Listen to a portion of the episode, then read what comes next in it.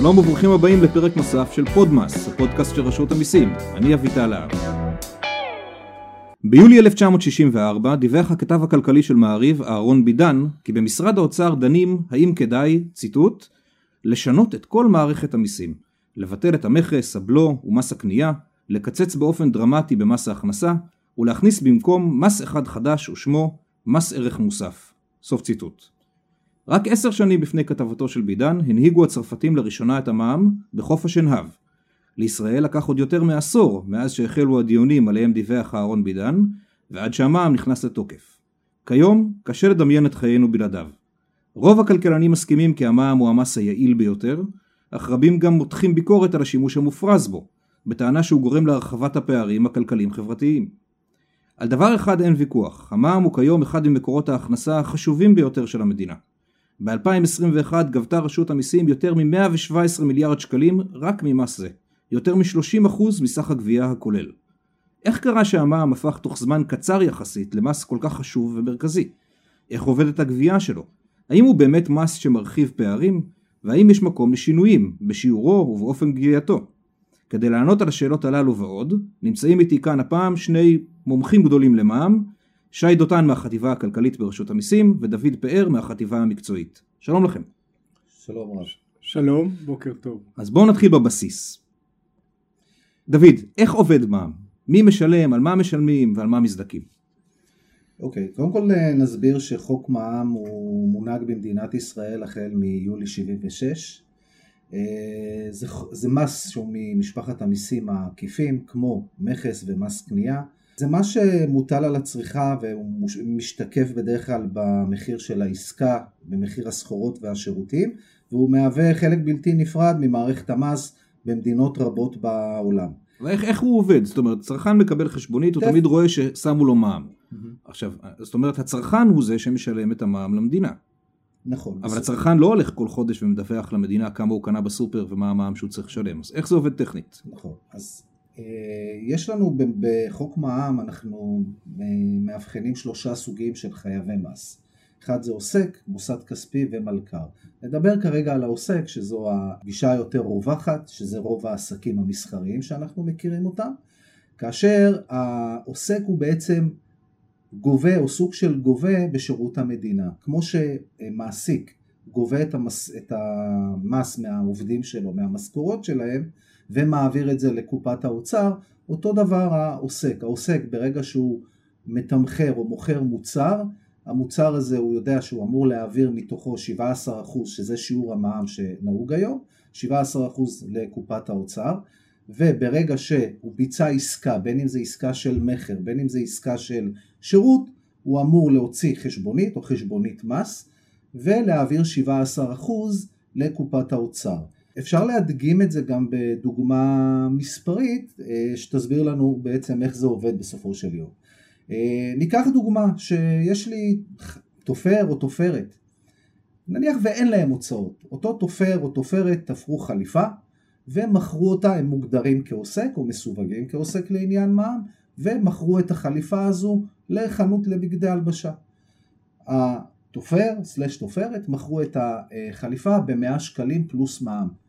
הם מוציאים חשבונית על 117 שקלים, כאשר 17 שקלים הם מעבירים לקופת האוצר. כלומר חנות הבגדים העבירה להם 117, הם השאירו אצלם 100 ו-17 העבירו לקופת האוצר. נכון. מה הלאה קורה? עכשיו, חנות הבגדים או הקמעונאי כמו שאנחנו אה, מגדירים אותו, אה, מוכר את זה לצרכן הסופי, אוקיי? נכנסתי היום לחנות, קניתי את החליפה, מדדתי, שילמתי עליה נניח 300 שקלים פלוס מע"מ, 351 שקלים. Mm-hmm. כלומר, הקמעונאי או החנות גבתה ממני 51 שקלים על חשבון המע"מ. שזה 17 אחוז. שזה ה-17 אחוז בדיוק, שמתווספים ל-300 שקלים. בסופו של יום, אותו קמעונאי או אותה חנות אמורה להעביר לקופת האוצר את אותם 51 שקלים, בניכוי 17 השקלים שהיא שילמה לאותו חייט או לאותו תופר או תופרת שמכרו לה את החליפה. בסופו של יום התשלום פיזית שהוא מבצע, אותו קמעונאי או אותה חנות, זה 34 שקלים, שזה 51 שקלים שהוא גבה אותם מהצרכן הסופי, בניכוי אותם 17 אחוז שהוא שילם לספק שלו, לחייט שסיפק לו את החליפה.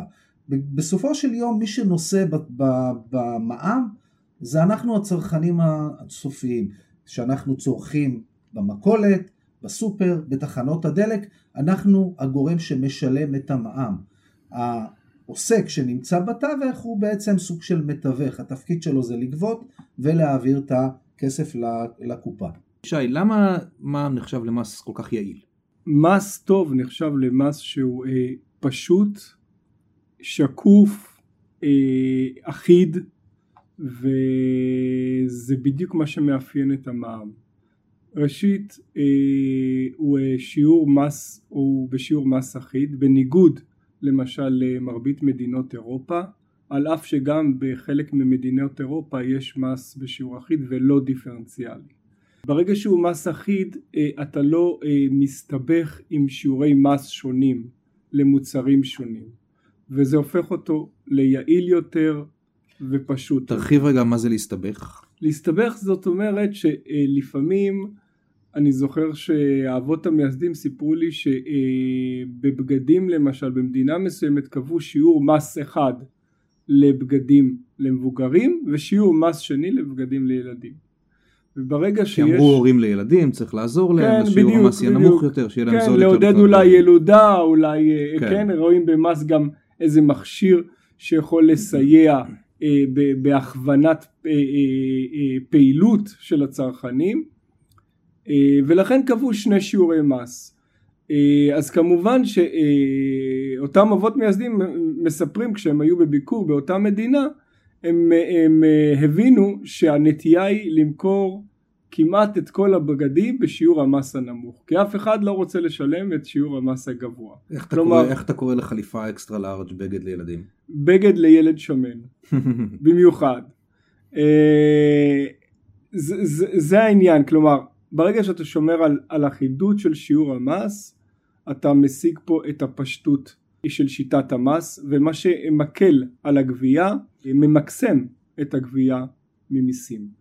עוד משהו שחשוב להזכיר בהשוואות בינלאומיות אנחנו יודעים שהשיעור מס באירופה במדינות שנהוג בהם מע"מ דיפרנציאלי מגיע ל-21% בערך בממוצע שהוא שיעור מס הרבה יותר גבוה משיעור המס הסטטוטורי הקבוע בישראל שהוא 17 אחוזים והסיבה לכך היא כדי לממן את כל שיעורי המס המופחתים הם כן. היו צריכים להנהיג מס הרגיל כן שהוא בשיעור יותר גבוה דבר שני זה מזמין לחצים אה, השכם והערב.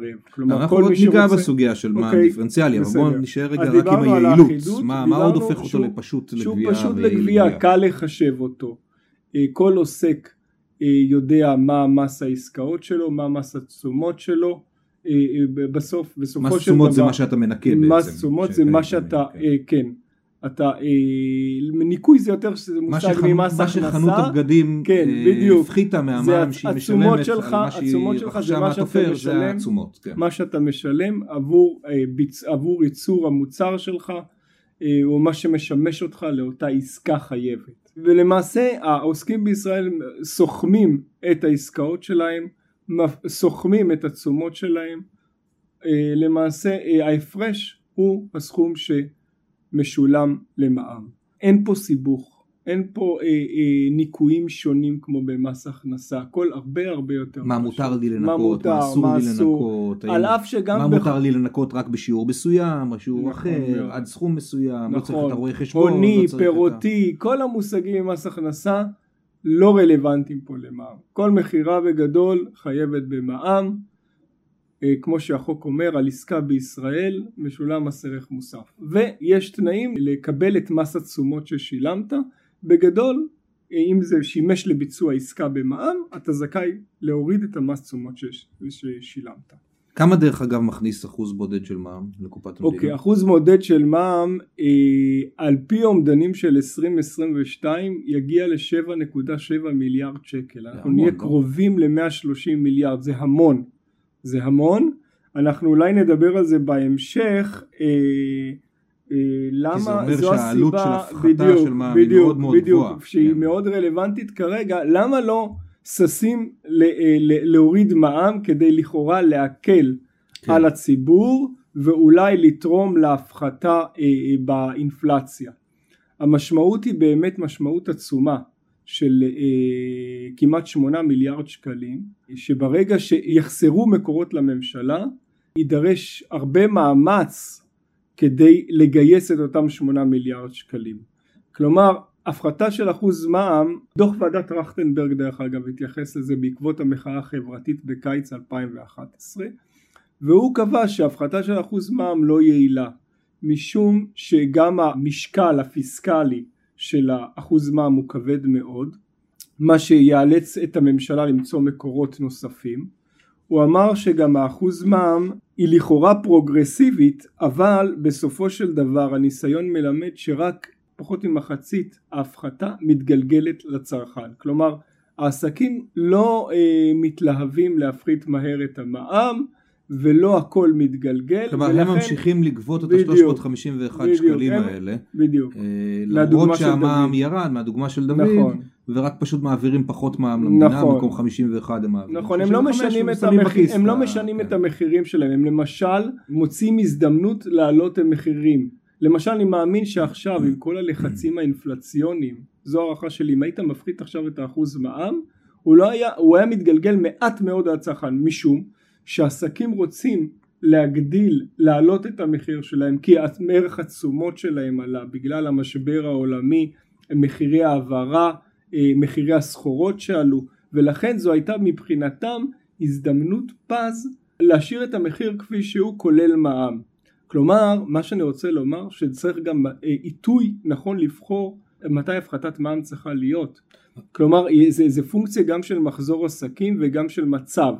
מצב כלכלי מסוים. במצב הכלכלי הנוכחי אני חושב שזה לא יהיה נכון להפחית את המע"מ כי כולם מחכים, יש לחץ עצום להעלות מחירים ולכן אם, אם, אם, אם, אם, אם לא ייתנו בידם, אם הממשלה אה, אה, תנסה לבלום את עליית המחירים הזו בצורה כלשהי אז בסופו של דבר אם הם יגידו אוקיי אנחנו מפחיתים מע"מ פשוט זה לא יגולגל או יגולגל בשוליים משאירים את המחיר שולי. לצרכן בדיוק, כמו שהוא, לא בדיוק, לא העלינו לכם בדיוק, מחירים. בדיוק, הם יגבו מע"מ נמוך יותר, הם יגבו מע"מ נמוך יותר, אבל כן. המחיר שהצרכן יראה לנגד עיניו, יהיה אותו מחיר. ורגע, אבל בואו נעצור שנייה, נקח צעד אחד אחורה. הזכרת כמה פעמים במהלך הדברים שלך את העובדה שלהפחית מע"מ זה מקל על הציבור, מקל על שכבות רשות. יש טענה מפורסמת שמע"מ הוא מס רגרסיבי, כלומר כן. מע"מ הוא מס שמרחיב פערים בין עשירים לעניים או בין כן. שכבות שונות באוכלוסייה. אתם יכולים אולי להסביר לי אה, למה מתכוונים בזה? למה מע"מ נחשב לרגרסיבי בעוד שמס הכנסה נחשב לפרוגרסיבי, לכזה שמצמצם פערים? אז בוא, בוא ניכנס להגדרה הקלאסית. אה, מס פרוגרסיבי כמו מס הכנסה אומר שככל שאתה מרוויח יותר אתה משלם יותר מס. ולכן מי שיש לו הכנסה נמוכה במס הכנסה לא משלם פחות מס. היום עם הזיכוי, נקודות הזיכוי שהמדינה נותנת לאזרחים, למעשה 50% מהעובדים במשק לא מגיעים לסף המס. שזה נתון מדהים שאומר עד כמה המדיניות, המס, מדיניות המיסים, המדיניות המס הישיר היא פרוגרסיבית. כלומר רק 50 אחוז כלומר שהם לא מרוויחים מספיק כדי לשלם מס הכנסה, הם לא מרוויחים מספיק, אבל, אבל ילדים קטנים. לכאורה, ו... לכאורה יש, יש המס, מס הכנסה מתחיל מהשקל הראשון בשיעור של עשרה אחוזים, אבל בעקבות נקודות הזיכוי, עצם זה שאתה תושב ישראל, אישה מקבלת עוד חצי וכדומה וכדומה, ילדים עכשיו הוסיפו מגדילים, גם על בדיוק, אבות. בדיוק, נכון. אבות היה גם מת... מאז כן. טרכטנברג, מאז 2011. סליחה, הוסיפו לילדים מגיל נכון, 6 עד 12. נכון, כן. בדיוק, לאבות. ולכן, לכן סף המס הוא גבוה מאוד. עכשיו, מס רגרסיבי זה מס שלא מתחשב בהכנסה שלך, למעשה באופן הכי פשוט, הוא לא מתחשב, הוא מוטל באופן שווה על כולם. ולכן הוא הופך להיות רגרסיבי. למה? כי מי שמרוויח פחות וצורך נניח את כל הכנסתו, משלם מע"מ בשיעור ההכנסה שלו כאחוז מההכנסה שלו מאוד גבוה לעומת מי שיכול לחסוך חלק מההכנסה שלו. ניתן דוגמה מספרית אם אה, מישהו ממוצע מרוויח עשרת אלפים שקל וצורך את כל הכנסתו הוא ישלם אלף שבע מאות שקל מע"מ שזה שבעה עשר אחוז מהכנסתו. מישהו שמרוויח מאה אלף שקלים ישלם וצורך 20 אלף שקל, וכל השאר יותר, הולך לחסכונות, חסכונות, השקעות השקעות, וכדומה, אה, אה, ישלם אה, ש- אה, 3,400 שקל, אבל זה רק 3.4% מהכנסתו, כי זה 3,400 מתוך 100 אלף שקלים. אוקיי בואו לכן נעצור הוא רגע, נתפס כי- כמס רגרסיבי. דרך אגב, אם אנחנו נקשור את זה לנקודה כן, הקודמת זהו, שלנו, אני רוצה לקשור את זה לנקודה אז הקודמת. טרכטנברג אמר במידה מסוימת שזה אה, אה, נותן הטבה, גם לזה הוא התייחס, למה לא להפחית אחוז מע"מ, הוא אומר שזה נותן הטבה גבוהה יותר לעשיר. נכון שהוא מס רגרסיבי, אבל לעשיר שילם 3,400 שקל ואני 1,700, כלומר אחוז מע"מ לעשיר מבחינה כספית הוא הרבה יותר משמעותי מאשר לעני. ולכן הוא קבע שזה לא הכלי הנכון להיאבק באינפלציה או ב- ביוקר המחיה, אלא יש כלים ממוקדים יותר, כלומר צריך לבחון את הכלים הספציפיים, למשל מה שרשות המיסים עושה מענק הכנסה, כן. או ב- בלשון הקדומה מס שלו הכנסה מס שלילי, הכנסה כן. שלילי, היום זה מענק עבודה, זה ממוקד יותר, מי שעובד, וזה פונקציה של המצב שלך, יותר ילדים אה, אה, אה, אה, ופונקציה של גיל גם כן, אתה תקבל יותר, המדינה תעזור לך, תקטין לך לכאורה את מיסי ההכנסה, כלומר היא תיתן לך מענק עבודה כלשהו. אה, אז יש כלים ממוקדים יותר ולכן המע"מ הוא אה, לא הכלי הנכון. מאידך לא צריך להגזים ולהעלות את המע"מ רגע, אבל לפני שאנחנו נוגעים כן, בנקודה של להגזים, אני. רוצה בכל זאת לאתגר את מה שאתה אה, אמרת כרגע. כן. כי בעצם התמונה שאתה משרטט לנו ככה מאוד מאוד מגבוה, היא תמונה של, אה, יש לנו מס, שהנטל שלו הוא מאוד מאוד כבד על אנשים עם הכנסה נמוכה, הוא הרבה הרבה יותר שולי על אנשים עם הכנסה גבוהה. בכל פעם שאתה רוצה להקל במס הזה, ואני בכל זאת עוקב אחרי הדיונים הכלכליים כבר כמה שנים, מעולם לא נתקלתי בתקופה שבה היה טוב להוריד את המע"מ. אה, בכל פעם שרוצים להפחית את המס הזה, אז יש התנגדות כי העלות התקציבית היא מאוד מאוד גבוהה, ועולה הטענה שזה לא יתגלגל לכיסים של הלקוחות, ולכן הוא, הוא נשאר ברמה אה, שלו. אבל יש פה משהו, זאת אומרת, משפחות עם הכנסה נמוכה, הרגישות שלהם לחיים היומיומיים שלהם, לחשבון שהם מקבלים בסופר, אחת לשבוע היא הרבה הרבה יותר גבוהה משל אותו בן אדם שמוציא רק 20% מההכנסה שלו וכל השאר הולך לחסכונות ולהשקעות וכולי. זאת אומרת, ובכל זאת הפחתה של המע"מ כן עשויה להקל באיזשהו מקום על החשבון הזה. אם אנחנו לא לכודים פה באיזשהו תהליך שבו בכל פעם שחסר כסף נגיד, בגלל שהמס הזה הוא יעיל, אז מעלים אותו. בכל פעם שיוקר המחיה מכביד אז לא מפחיתים אותו, בגלל שיש את הטיעונים נגד להפחית אותו, והוא זוחל בעצם למעלה לאט לאט לאט. השאלה שלי בעצם, האם הוא יכול להגיע לרמה שהוא גבוה מדי בעצם? אה, אני מאמין שלא. הסיבה היא, אני חושב שהמס, השיעור הכי גבוה שלו הוא היה 18%. כן. כלומר, אם אנחנו מסתכלים אה, מבחינה היסטורית, אני מאמין שהטווח של בין 16 ל-18% הוא הטווח הנכון. מש, מכמה סיבות. סיבה, הסיבה הראשונה, כמו שאתה אומר, שזה אה, מעל השיעור הזה זה כבר נטל, נטל שהוא כבד מדי כנראה על המשפחות, אה, על המעמד הבינוני ומטה, על העשירונים הנמוכים וגם על המעמד הבינוני. סיבה שנייה, אה, מס גבוה יותר הוא בעייתי, כי ברגע שמס, ויש לנו הרבה דוגמאות, אני לא אסטה כאן ל... אה, למשל למה שעשינו במס על האלכוהול, מס קצוב שהעלינו יותר מדי. ברגע שאתה מעלה מדי, יותר מדי מס, ההברחות והעלמות מתחילות לפתות את הציבור והמס, המס עצמו, הבסיס המס מתחיל להתכרסם ולכן יש גבול כלומר, אתה למה- אומר אם המדינה בסוף, במהלך זוחל תגזים. תעלה את המע"מ בצורה נכון. מוגזמת, היא תתחיל לראות יותר מדי העלמות, וזה כבר, נכון. הגבייה כבר לא תהיה פשוטה, נכון. ואז יבינו שצריך נכון. להוריד אותו חזרה. נכון דוד, אתה מאוד. מסכים עם האמירה הזאת? אה, אין ספק, אני בהחלט מסכים לטענות שמע"מ הוא מס רגרסיבי, אה, ואני אני פחות מסתדר עם העניין הזה של אה, יהיו יותר העלמות, אנחנו היום עברנו גם לחוק המזומן, אנחנו שומעים על זה יום יום ויש יש על זה פרסומים בטלוויזיה, ברדיו, ולכן האפשרות להעלים בדרך כלל היא מוטבעת כאשר יש עסקאות במזומן, כאשר העסקאות הן נעשות, אם זה בהעברות בנקאיות או בתשלומים בכרטיסי אשראי, קצת יותר קשה לקחת את העסקאות האלה לכיוון השחור שלהם. אתה אומר רוב המע"מ נגבה בעסקאות כאלה, בכרטיס אשראי, בסופר, אין פה אופציה נכון, כל כך להעלים. נכון, ובסופו של יום בואו לא נשכח שהעוסק יודע שהוא חשוף פה מול מע"מ או מול רשויות מע"מ במקרה של העלמה, ובסופו של יום העוסק הוא לא זה שמכניס את היד לכיס ומשלם את המע"מ. Hmm. מי שמשלם את המע"מ זה כל אחד ואחת מאיתנו הצרכנים. זה מגולגל אלינו. כלומר, מי שיכול להעלים הוא לא זה שמשלם. נכון, נכון, בגדול כן, נכון. עכשיו בואו לא נשכח שכל עוסק בסופו של יום משלם את המע"מ רק על הערך המוסף שהוא יצר. ואם נחזור לדוגמה שלנו שנתנו מקודם, אותה, אותה חנות קמעונאית יצרה ערך מוסף של 200 שקלים, כי היא קנתה ב-100 פלוס מע"מ, מכרה ב-300 פלוס מע"מ, כן. יצרה ערך מוסף של 200 שקלים, ובסופו של יום העבירה לנו את אותם 34 שקלים. כן. כלומר, גם החוק מע"מ מובנה בצורה כזו שגם אם אחד הגורמים בשרשרת של העסקה החליט להעלים, בסופו של יום עדיין לא איבדנו את כל המס. אז אתה אומר אין מס... רף שהמע"מ יגיע אליו שבו אתה תתחיל לקבל אינדיקציה מהשטח שהוא גבוה מדי בזה שאנשים מעלים. אה, אני, אני, אני גם היום חושב שהמע"מ, אני לא רוצה לומר שהשיעור הוא גבוה מדי, לראיה אנחנו אה, יותר נמוכים, המע"מ הסטנדרטי בישראל הוא יותר נמוך מאשר נהוג ברוב מדינות כן. אה, ה-OECD וציין שי, דיבר על 21 או 22 אחוזים, אבל עדיין הוא מהווה מרכיב גבוה מאוד יחסית בתמהיל ההכנסות המיסים של מדינת מעל ישראל. מעל 30 אחוז כמו שציינו. מעל 30 כן. אחוז, נכון.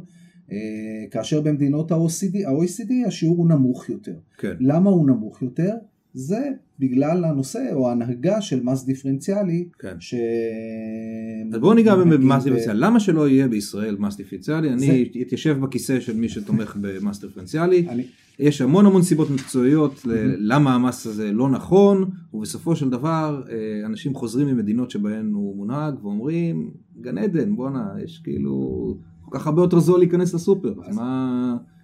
אז זהו, אז אה, זה בדיוק גם נקודה שוועדת טרכטנברג אה, התייחסה לנקודה הזו באופן מאוד ספציפי והיא שאלה את עצמה האם זה נכון, האם, האם כדאי שמע"מ דיפרנציאלי הוא למעשה כלי אפשרי לביטוי המדיניות הממשלתית אה, והיא תוכל ליישם אותה, אז הוא מצא שזה לא הדרך הנכונה. דרך אגב, כשאנחנו מדברים על מע"מ דיפרנציאלי, אנחנו אומרים אנחנו נקבע 20% מע"מ על טלוויזיות, כן. יקר לך אל תקנה טלוויזיה, אבל אנחנו נקבע 0% מע"מ על אה, חלב. דרך אגב, אבל... אני, אני אציין, למרות שזה לא הנקודה הכי חשובה, אבל אם נגעת בנקודה הזו שיש לנו למשל מס קנייה על מוצרי מותרות. כן. כן? וזה למעשה מהווה מעין מס דיפרנציאלי. נכון. כלומר, אה, יש לנו מספר מוצרים, אה, יאכטות, מטוסים, פרוות, טלוויזיות מעל 50 אה, חלקי חילוף לרכב. חלקי חילוף לרכב, נכון. רכב עצמו. כן. אלכוהול, טבק. אלכוהול, טבק, נכון. וכל המוצרים האלה, אבל אלכוהול וטבק זה סיבות, לא סיבות של מע"מ דיפרנציאלי בדיוק. זה מה שאנחנו קוראים הפנמת השפעות שליליות חיצוניות במחיר המוצר. כלומר, כן. אתה גורם לנזק לציבור או לסביבה או לך אה, באמצעות צריכה של אלכוהול, ואנחנו רוצים לגלם, לגלם את, את, את עלות הנזק הזו כן. במחיר המוצר. כלומר שתדע שאתה אה, גורם לאיזה נזק כלשהו, אם זה למשל יותר אולי יותר קל זה מכוניות, אתה גורם לפקקים, לזיהום אוויר, לאובדן שעות עבודה וכדומה, כן. דע לך שיש לזה מחיר ואנחנו מגלמים את זה במחיר המוצר ולכן יש מס קנייה. בפרוות למשל או ביאכטות זה פחות בא לידי ביטוי אבל פה למעשה חבוי העניין הזה של המע"מ הדיפרנציאלי כלומר אנחנו לא משנים נטל המס הוא גבוה יותר בדיוק, על המוצרים האלה לכן הוא נמוך בדיוק, יותר על כל שאר המוצרים. כאילו מס מותרות, כן. כן. וזה אולי באמת אה, בפינצטה וזה אולי אני חושב שהשיטה הזו היא נכונה מאוד, היא נכונה מאוד. כי מע"מ דיפרנציאלי אה, כלומר, יכול להיות שבעתיד כן נראה מע"מ דיפרנציאלי בישראל, אבל פשוט לא נראה אותו בצורה של 0% מע"מ הוא לא יהיה מע"מ. מזון, אלא אנחנו נראה מס לא קנייה על, לא יודע, כן. משהו, אה, משהו לא מזון. כן, הוא לא יהיה במע"מ כן. עצמו. אה, אני מאמין, אני לאורך הממשלות השונות לא פעם מפלגה כזו או אחרת או שר כזה או אחר הציע לעשות מע"מ דיפרנציאלי ואנחנו הדפנו את המגמה הזו אה, המגמ... שיעור המס האחיד בישראל אה, ואני רק אעיר כדי לא ניכנס לפינה הזו אנחנו למשל בניגוד למדינות אחרות בעולם ממסים גם מוסדות כספיים במע"מ למעשה. בצורה אחרת כן בצורה אחרת קצת שונה שהיא מס שכר ומס רווח אבל עדיין אנחנו כלומר בישראל אנחנו רואים את בסיס המס הרחב כדבר הנכון ביותר. ו- ואולי אפשר להגיד גם המוסרי ביותר. ו- אה, אה, כלומר אין סיבה שמוסדות כספיים לא ישלמו מס ערך מוסף בגלל לא משנה סיבות כלשהן שיותר קשורות לאכיפת המס או לכפל מס או למושגים כאלו. אה, ולכן המדיניות הזו של מדינת ישראל במס השמירה שלה על מס אחיד ולא דיפרנציאלי ההרחבה שלה את, של בסיס המס על, על כולם גם על מוסדות כספיים זוכה לאהדה אה, ותשבוכות מארגונים כלכליים כמו ה-OECD, הבנק העולמי. כי? מה אומרים כי, על זה שזה... כי המס הוא, הוא, הוא אחיד, הוא פשוט, הוא יעיל, הוא לא מסתבך מלבד כמה חריגים שזה שיעור מס אפס על פירות וירקות כן. אה, ומכירות לאילת ומתן שירותים לתיירים, באמת שהם חריגים, החריגים בארץ הם מעטים מאוד אה, ולכן המס נחשב על בסיס רחב מאוד יעיל, מאוד פשוט, אתה לא מסתבך עם שיעורי מס שונים, שגם את זה ועדת טרכטנברג אה, הזכירה, היא, היא קבעה שאחד המדדים צריך להיות האם האכיפה של המס יעילה או לא יעילה, והיא קבעה שהדיפרנציאליות תחבל למעשה ביעילות האכיפה. במדינת ישראל. הזכרת את החריגים, דבר, 아, כן, סליחה. עוד דבר שוועדת טרכטנברג מציינת באמת שברגע שתיצור מע"מ דיפרנציאלי אתה תזמין לחצים אה, חוזרים ונשנים של אה, פוליטיקאים וכדי להפחית מוצרים נוספים. כלומר אם תפחית על מזון למה לא תרופות? ולמה לא ספרים? חינוך פחות חשוב? כל מיני אתה לא תגיד איפה זה נגמר? בדיוק איפה זה נגמר וכמובן, וזה מביא אותנו לנקודה של... והנקודה האחרונה שהם מסיימים בה, שהם אומרים, השאלה מה המטרה. והם אומרים שמס דיפרנציאלי, מה, מה התכלית? האם לסייע, לעזור, להילחם ביוקר המחיה, לסייע לעשירונים התחתונים, אז זה לא, זה לא הכלי הנכון.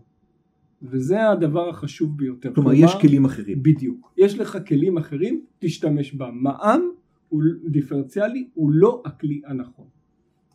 ואז הזכרת את החריגים, בוא, אז בואו נדבר רגע על החריגים. דוד רק תסביר לי לפני זה, מה ההבדל בין פטור ממע"מ לבין מע"מ אפס?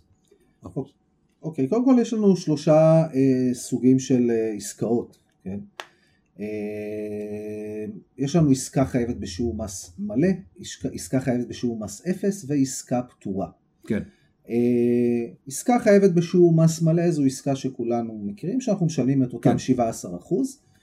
אה, עסקה בשיעור 0 זאת עסקה חייבת לכל דבר ועניין, כלומר רואים אותה בדיוק כמו עסקה חייבת רק ששיעור המס שמוטל עליה הוא בשיעור 0. כלומר יוצאת 0, חשבונית. יוצאת חשבונית בשיעור 0, נכון? ועסקה פטורה היא עסקה שלא חל עליה מע"מ. ההבדל המהותי הוא, הוא בעיניים של העוסק, של אותו גורם שביצע את העסקה. דיברנו, הזכרנו מקודם את מס התשומות מאותה חשבונית מהתופרת, כן. אז אה, חוק מע"מ הוא חוק שעיקרון ההגבלה הוא עיקרון על בו, נזכר מלמעלה את סעיף 41 לחוק, כאשר החוק בא ואומר דבר פשוט, כאשר אתה, יש לך עסקה או אתה מייצר עסקה חייבת, אתה זכאי לנקות מס תשומות, אוקיי? כאשר מס תשומות זה אותה הוצאה, אותה תשומה שאני כעוסק צרכתי לצורך ייצור אותה הכנסה או אותו מתן שירות. מכרתי מעיל ואני מנקה את מה ששילמתי נכ... על העסקה עם המתפרה. נכון, או נתתי שירותי עריכת דין, שירותי חשבונאות ויש לי הוצאות, אני שוכר משרדים, כן. רוכש ציוד משרדי ויש לי חשבונית כנגד. כן. אז החוק מאפשר לי שכאשר אני אה, מבצע עסקאות חייבות במס, אני זכאי לנקות את מס תשומות. אבל בעסקאות פטורות החוק אוסר עליי לנקות מס תשומות. כלומר אם מחר אנחנו אומרים שמכירת מעילים היא פטורה ממע"מ אז אותה חנות מעילים שמוכרת את המעיל לא גובה מע"מ מהלקוח, אבל היא גם לא יכולה לנקות את ה-17 שקלים ממה שהיא קנתה מהתוכן. נכון מאוד, נכון מאוד, נכון מאוד. ואיפה יש לנו בכלכלה הישראלית פטור ממע"מ ואיפה יש לנו שיעור אפס? אוקיי, אז יש אה, רשימה של אה, סוגי עסקאות שהמחוקק רצה לעודד. אה, בין היתר, בדרך כלל זה עסקאות שהן מוטות ייצוא. המחוקק רצה לאפשר לעוסקים ישראלים לתת שירותים או למכור מוצרים לחו"ל.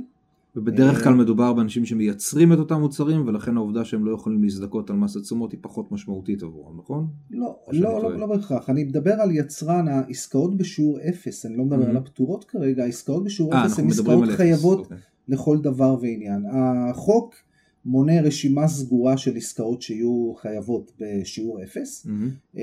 כפי שאמרתי, רובן מוטות ייצוא, אה, שזה ייצוא של טובין או מוצרים לחוץ לארץ. כמובן יש מגבלות בכפוף להמצאת הצהרת ייצוא וכיוצא בזה וצריך להוכיח שהטובין אכן נמכרו לחו"ל. זה יוצר בעצם שני מנגנונים של הגנה. אחד, זה מגן על היצרן הישראלי, כלומר יש פה עיקרון של הדדיות. כאשר אה, אני, אותו יצרן ישראלי מוכר לחו"ל, אז הטובין יוצאים בשיעור אפס, אמרנו עסקה חייבת לכל דבר ועניין, אני זכאי לנקות מס תשומות, ומי שממסה את הטובין זה מדינת היעד, ולא כן. המדינה שממנה זה יצא, וככה זה גם שומר על היצרנים המקומיים עם סחורה שנכנסת מחו"ל, שגם עליה מוטל מע"מ.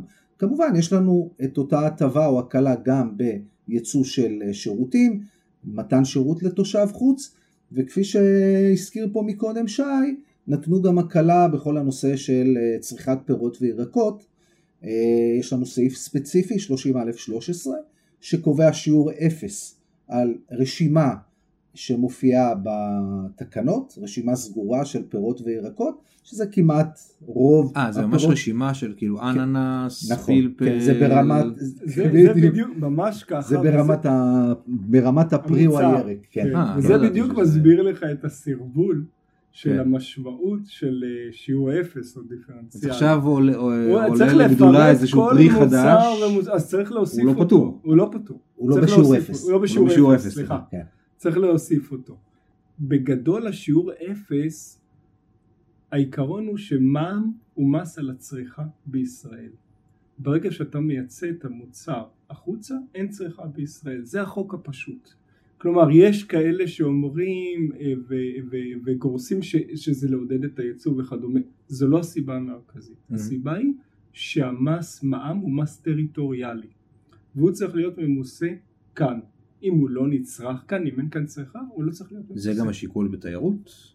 השיקול בתיירות לא, כי יש פה צריכה של תיירות, יש פה כן. צריכה של בתי מלון על ידי תיירים, יש פה אה, צריכה של השכרת רכב על ידי תייר וכדומה, אבל רצו לעודד את התיירות. אז כאן זה כן לעודד. בהחלט, זה מע"מ פירות וירקות. ומכירה לתייר או מתן שירות לתייר זה מע"מ דיפרנציאלי טהור. כן, זה החריגים, האלו החריגים. יש עוד אחד שאולי נדבר עליו קצת אה, ואולי דוד ימש... אה, יעריך, זה מכירה לאילת. מכירה כן. לאילת זה מתקשר לפטור. באילת זה גם אפס, נכון? נכון, לא מכירה של לא. עוסקים אה, לאילתים היא בשיעור אפס כי באילת יש פטור. מה הסיבה לכך? הסיבה היא שאם במע"מ, אם לא הייתה מכירה בשיעור אפס לאילת, הייתה מכירה בשיעור מס מלא, בגלל שהעוסקים האילתים הם בפטור, הם לא היו יכולים לקזז מס תשומות ולכן האילתים לא היו זוכים להקלה.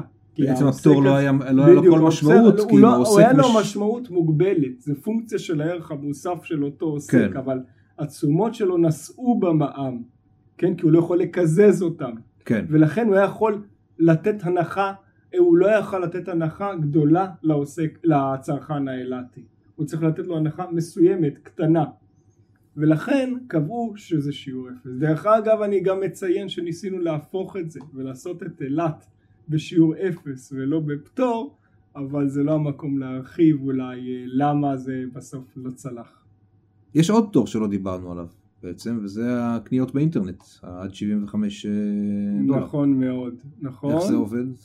אה, אז זה המושג בעולם הוא מושג מקובל בשם de minimis. איך? de minimis.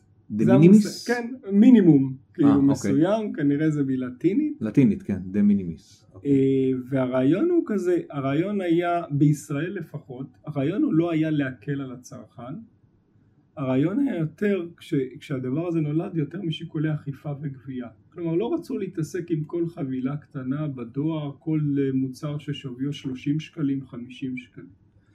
בין היתר כי בגלל האינטרנט ובגלל אמזון ובגלל כל הגידול של לא, המכירות זה, זה באינטרנט, לא היה זה היה בכמויות מאוד גדולות, לא? כשנולד ה- אז אני מדבר יותר בשנות ה-70 והראשית שנות ה-80, אז היה 50 דולר, ו- ו- אה, ופשוט אמרו, לא רוצים להתעסק עם כל מתנה שהיא חייבת מע"מ וכדומה, אנחנו רוצים, בוא, לתת אה, איזו הקלה מבחינה אכיפתית, כן? לא, לא, לא לתפוס את ה...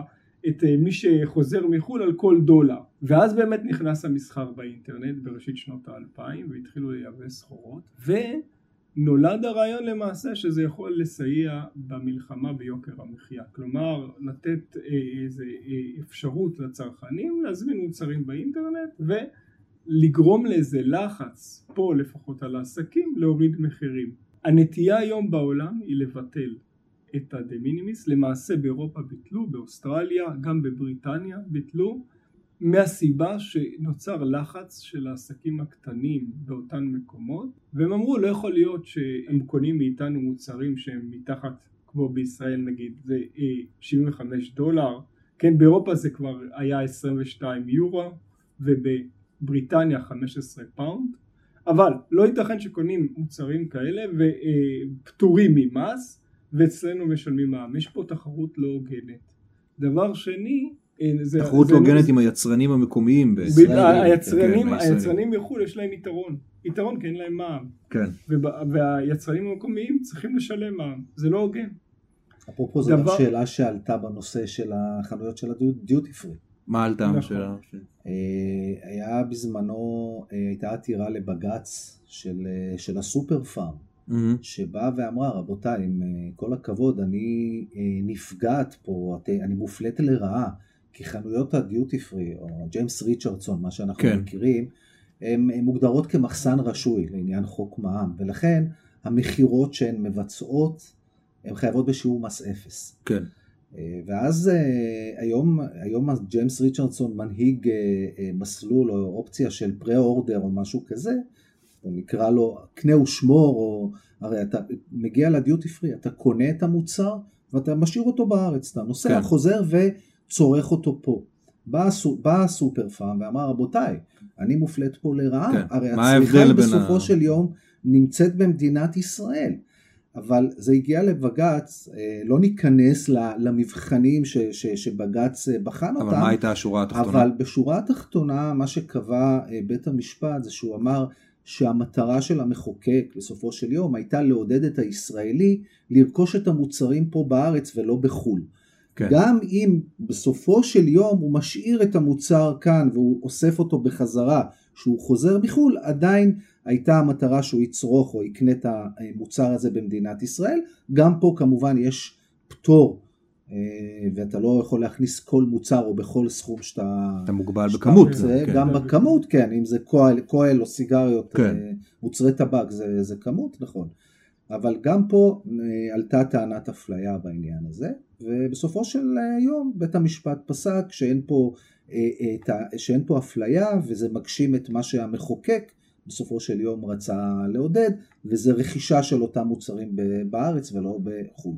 אז לא סביר שנראה את הפטור של עד 75 דולר אה, מתבטל כאן. אה, אה, המגמה היא כנראה, שוב, כמו שאמרתי, היא לבטל אותו. ביטלו אותו. מה ש... בעולם. בעולם. כן. אחד, בגלל הלחץ של העסקים, שתיים, בגלל ניצול לרעה. כלומר, מוצר שערכו 100 דולר, אז בסין למשל יכולים להדפיס לך שזה 74 או 70 דולר, ואז אתה פטור. כלומר, היה גם ניצול לרעה.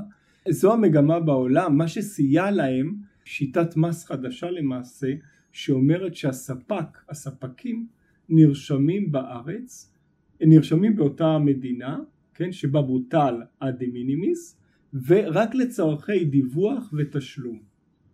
זהו זה. זו שיטה מאוד יעילה, היא מאוד רווחת בעולם, ולכן... אה, בוא, בוא נסביר את זה יותר לעומק, איך, איך זה מסייע בעצם בביטול ה... זה מסייע בכך שאין יותר, כמו שאם נחזור לתחילת דבריי, אין יותר התעסקות עם כל חבילה, כל... מטריחים את האזרח לגשת לדואר על חבילה של חמישה דולרים או עשרה דולרים. כן. זה לא, זה לא עובד יותר, גמרנו. הספק מחו"ל. הספק עצמו הוא אחת לתקופה, בדרך כלל רבעון, הוא אוסף את כל המכירות שלו לישראל, אומר אלו המכירות שמתחת לסכום, בארץ זה 75 דולר, בבריטניה זה 135 פאונד, לא משנה. כן. ומעל הסכום הזה יש איזה רף שמעל הסכום הזה המכס רוצה לראות את המוצר. כן. אוקיי? הוא פחות ברגע שהמשקל המיסויי הולך וגדל אז הוא אומר עד כאן אני פחות סומך על הספק וכו' אני רוצה לראות את זה ולמסות את זה דרך הבלדר או דרך הדואר כן. אוקיי? אבל עד המכירות עד הסכומים האלה הספק נרשם בארץ מגיש דוח תקופתי ואומר אלו המכירות שלי זה המע"מ ואת זה אני מעביר מדינה בעקבות רכישת ואז נשמר העיקרון של לא להתעסק עם האזרח בדיוק, על כל חבילה, אבל בדיוק. ניטרלנו את הבעיות של בדיוק, ה... ואז על כל מוצר משלמים וגם הספק לא מתחיל לשחק עם המחיר כדי להיכנס לפטור. כי אין טעם לשחק איתו כי אין לו פטור. כן. ולכן... והיצרנים זו... המקומיים לא נכון, מתלוננים כי הוא גם משלם מס. ו... אז זו, המד... זו המגמה הרווחת בעולם. כלומר, ביטול הדה מינימיס לאפס והשתת האחריות על התשלום והדיווח על הספקים בחו"ל עד רף מסוים, עד גובה רף מסוים, מעל הגובה כן. הזה צריך מעניין מה חושבים על זה אנשים קטנים שמייצרים דברים מהבית וצריכים למכור אותם לכל מיני מדינות, עכשיו זה מכניס אותם למעמד של מדווחים במדינות לא יודע, דרך כאלה חנויות בבריטניה למשל, ש... בבריטניה למשל הם מחייבים את זירות המסחר כמו אמזון למשל, כן. לשאת באחריות על התשלום על אותם עוסקים. כלומר אם יש לי חנות באצי אז אצי צריכים לדווח עבורי למע"מ של אותה מדינה ו... וכולי.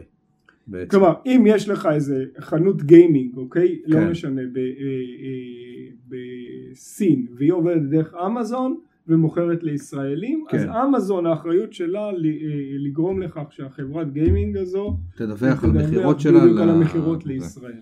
מעניין. זה, זה הרעיון. שי, דוד, תודה רבה לכם על שיחה מרתקת, אה, ועד כאן פודמאס להפעם. תודה שהצטרפתם אלינו. תודה רבה. תודה.